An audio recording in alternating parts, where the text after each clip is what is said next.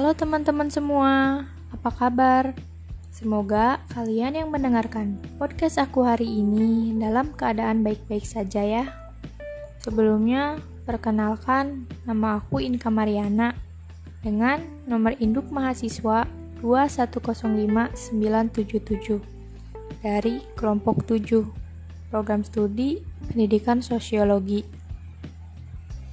Kali ini aku akan berbicara tentang minimnya kepedulian terhadap sekitar. Seperti yang kita ketahui, sampah atau limbah rumah tangga adalah masalah yang timbul akibat perilaku konsumsi manusia yang berasal dari kegiatan sehari-hari. Kenapa hal tersebut tidak bisa dihindarkan? Karena konsumsi manusia juga tidak bisa dihentikan.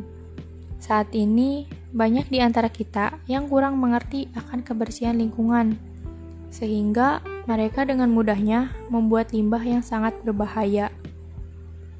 Seperti halnya aktivitas sehari-hari yang kita lakukan, seperti mandi, mencuci, dan berbagai aktivitas lain yang kita anggap sepele namun menghasilkan sisa buangan. Ternyata hal itu dapat membahayakan bagi manusia dan lingkungan loh. Misalnya juga, pembuangan sampah yang tidak diurus dengan baik akan mengakibatkan masalah besar karena menyebabkan penumpukan sampah atau membuangnya sembarangan ke kawasan terbuka dan akan mengakibatkan pencemaran tanah dan air. Air yang tercemar tersebut tidak bisa digunakan lagi untuk keperluan rumah tangga dan akan memakan waktu lama untuk memulihkannya. Padahal kan air sangat dibutuhkan untuk keperluan rumah tangga.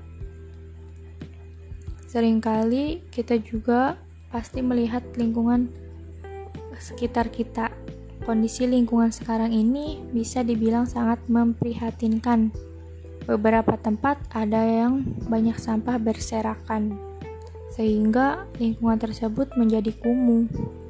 Penyebab kumuhnya lingkungan itu sendiri bisa karena sampah yang dibuang sembarangan, kurangnya pengawasan aparat pemerintahan, dan sikap acuh masyarakat terhadap lingkungan yang ditinggalinya.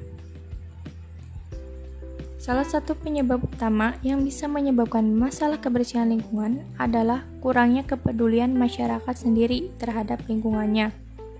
Padahal kan sudah seharusnya masyarakat menyadari dan peduli terhadap lingkungan di sekitarnya karena keadaan lingkungan itu juga mempengaruhi kehidupan masyarakat itu sendiri.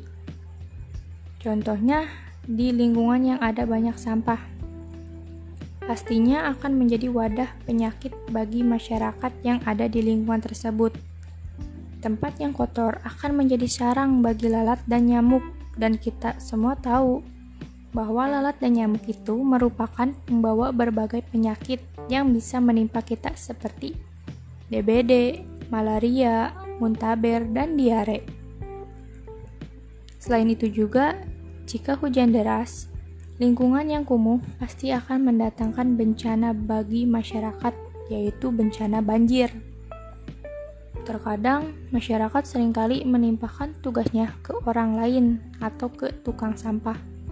Padahal kan sudah menjadi kewajiban mereka untuk menjaga kebersihan lingkungan di sekitarnya, karena mereka juga adalah bagian dari masyarakat. Maka dari itu, kita harus membuang sampah pada tempatnya dan harus berusaha hidup sehat, bersih. Sekecil apa pun sampah yang kita buang, taruh di tempat sampah.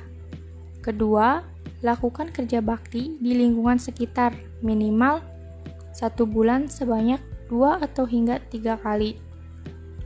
Hal ini bisa mengurangi penumpukan sampah. Ketiga, kita bisa memanfaatkan kembali barang bekas atau mendaur ulang bahan-bahan yang sudah tidak terpakai. Seperti halnya botol, kaca, plastik agar mengurangi sampah-sampah yang ada. Kurangi pemakaian plastik yang tidak bisa terurai. Usahakan memakai bahan yang tahan lama dan jangan menggunakan bahan yang sekali pakai.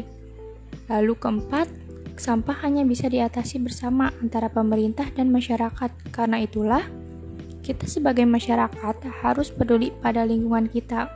Pentingnya kesadaran menjaga kebersihan lingkungan terdekat kita. Pada anak-anak juga harus selalu diikutsertakan sejak dini, harus diajarkan untuk membuang sampah pada tempatnya. Dan budayakan rasa malu bila membuang sampah sembarangan. Terima kasih atas waktunya untuk mendengarkan podcast aku kali ini. Aku Inka Mariana, pamit undur diri.